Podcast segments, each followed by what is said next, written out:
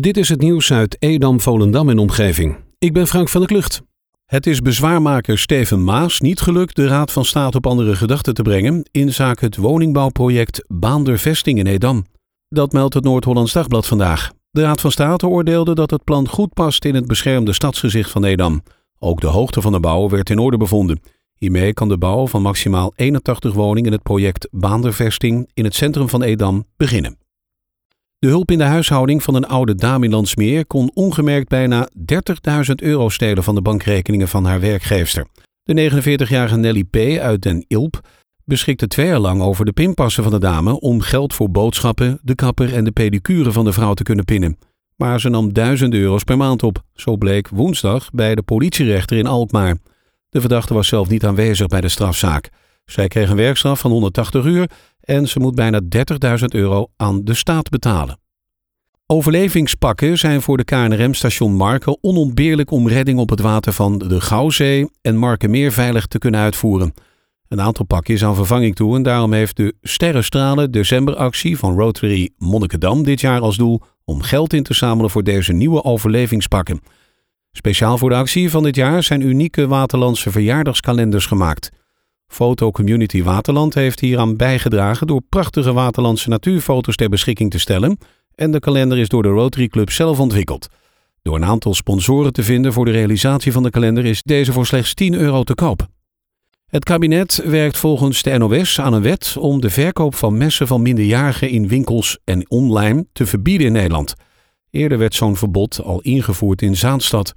Wie daar wordt gepakt met een mes of een ander gevaarlijk voorwerp op zak, krijgt een boete van 2500 euro. Minderjarigen mogen ook geen mes of steekwapens meer bij zich dragen.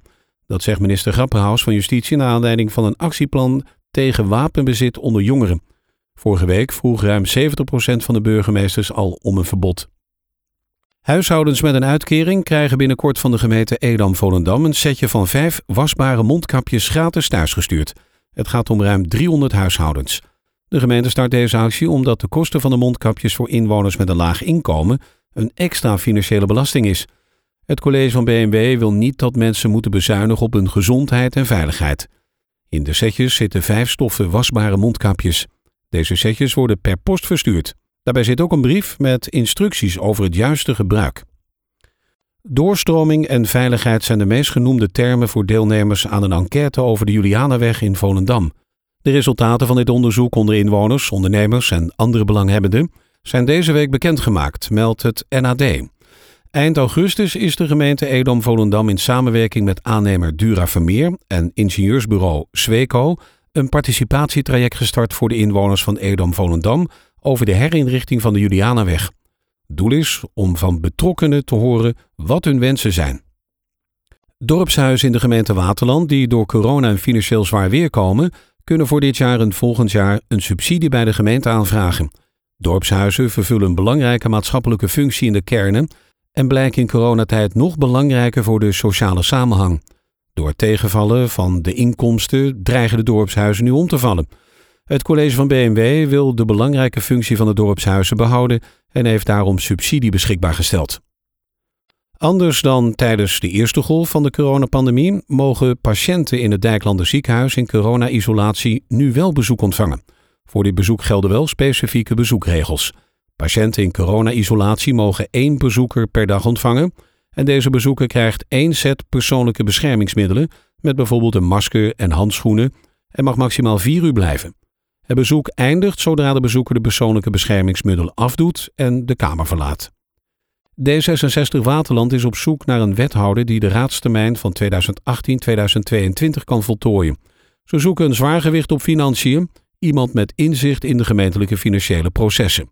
De portefeuille bestaat uit economische zaken, cultuur, toerisme en recreatie, sport, onderwijs, landschap en kernraden.